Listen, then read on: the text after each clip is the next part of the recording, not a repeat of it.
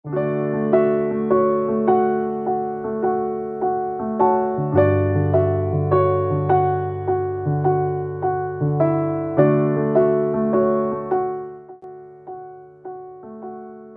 pernah bertanya kepada hujan tentang bagaimana ia yang begitu pandai membawa kenangan. Saya pernah pula bertanya pada tanah, bagaimana ia bisa tidak bosan memeluk tubuhnya begitu erat. Padahal di atas ini masih ada jiwa yang membutuhkan suara dan langkah kakinya.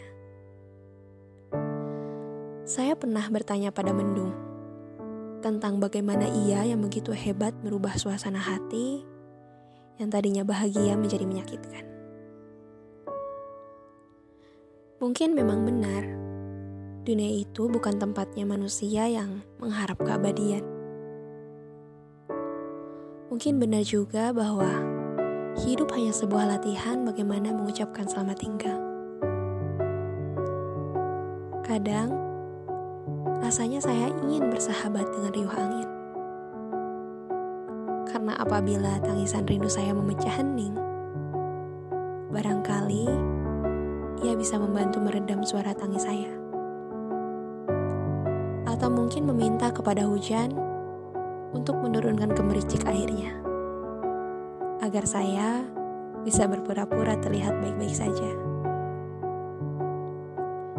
Kadang manusia memang egois untuk menginginkan sesuatu itu sama. Tetap abadi tanpa ada yang berubah. Padahal ia lupa ia sendiri siapa, punya hak apa, dan apa yang ia punya hingga menginginkan waktu berjalan sesuai kehendaknya. Dan mungkin yang harus terus dijaga itu bukan bahagia, rasa ikhlas dan lapang dada. Karena benar kan? Ketika kita bertemu seseorang, rasanya selalu ada hal yang menjengkelkan.